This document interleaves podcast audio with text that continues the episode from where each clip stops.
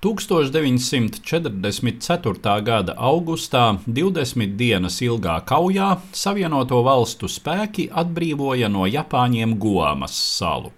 No vairāk nekā 18,000 vīru lielā Japāņu garnizona gūstā tika saņemti apmēram 1250, pārējie krita. Taču viens seržants Soichi Jokoi slēpās salas džungļos turpat 28 gadus, līdz tika nejauši notverts 1972. gada 24. janvārī. Seržantu Jokoji atklāja divi vietējie iedzīvotāji, kuri nodarbojās ar garneļu zveju nomaļā salas nostūrī. Kad atklājās, ka savādā no augiem darinātā apģērbā tērptais večuks ir Japānis, viens no sagūstītājiem gribēja nabadziņu uz vietas piebeigt. Neilgi pēc kara šādi Japāņu mežabrāļi bija noslepkavojuši viņa krustmeitu.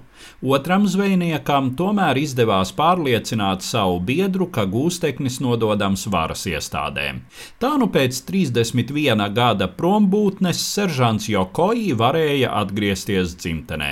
28 gadus viņš bija vienatnē slapstījies gomas džungļos, mitinājies pazemes salā, pārticis un visu citu dzīvei nepieciešamo ieguvis no dabas veltēm.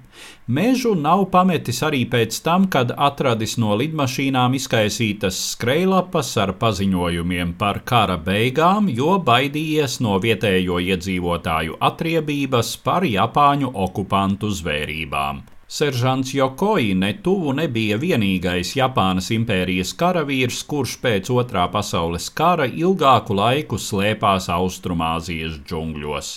Kapitulācijas brīdī Japāņu vienības joprojām bija izkaisītas milzīgā teritorijā no Manžūrijas ziemeļos līdz Javai un Timorai dienvidos. Daudzi karavīri tikai ar novēlošanos uzzināja par kara beigām, taču dažos gadījumos Japāņi, arī informēti par kapitulāciju, turpināja pretoties. Saskaņā ar Japānas impērijas armijas kārtību nolikt ieročus drīkstēja tikai pēc tiešā komandiera pavēles. Līdz pat 1974. gadam Filipīnās pretošanos turpināja leitnants Hiro Onoda, kura komandētajā izlūku vienībā sākumā bija četri vīri. 1972. gadā Onodas pēdējais līdzbiedrs krita sadursmē ar policiju, un komandieris palika viens.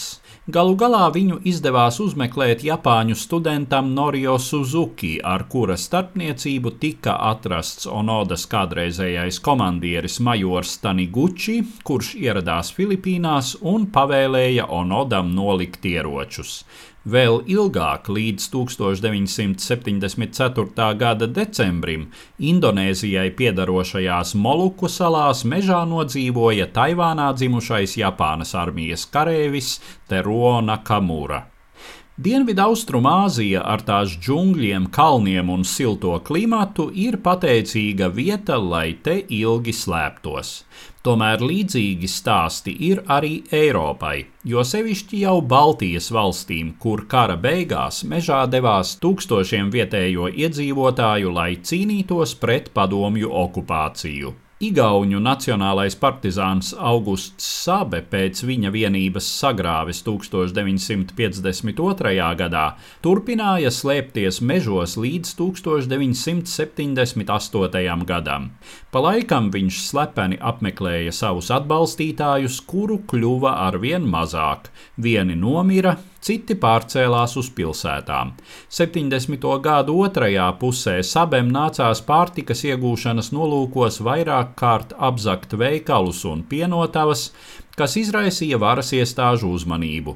Augustu sabi izsekoja, bet, kad civilā ģērbtie drošībnieki mēģināja viņu apcietināt, 69 gadus vecais vīrs metās upē un vai nu noslīka mēģinot izmukt, vai apzināti noslīcinājās. Savukārt latvietis Jānis Pīnups dezertējis no sarkanās armijas 1944. gada augustā, vairāk nekā 50 gadus ar tuvinieku atbalstu nelegāli dzīvoja dzimtajā Pelēču pagastā, tagadējā Preļu novadā. Viņš legalizējās tikai 1995. gadā, kad Latviju bija atstājis Krievijas karaspēks. Stāstīja Eduards Liniņš.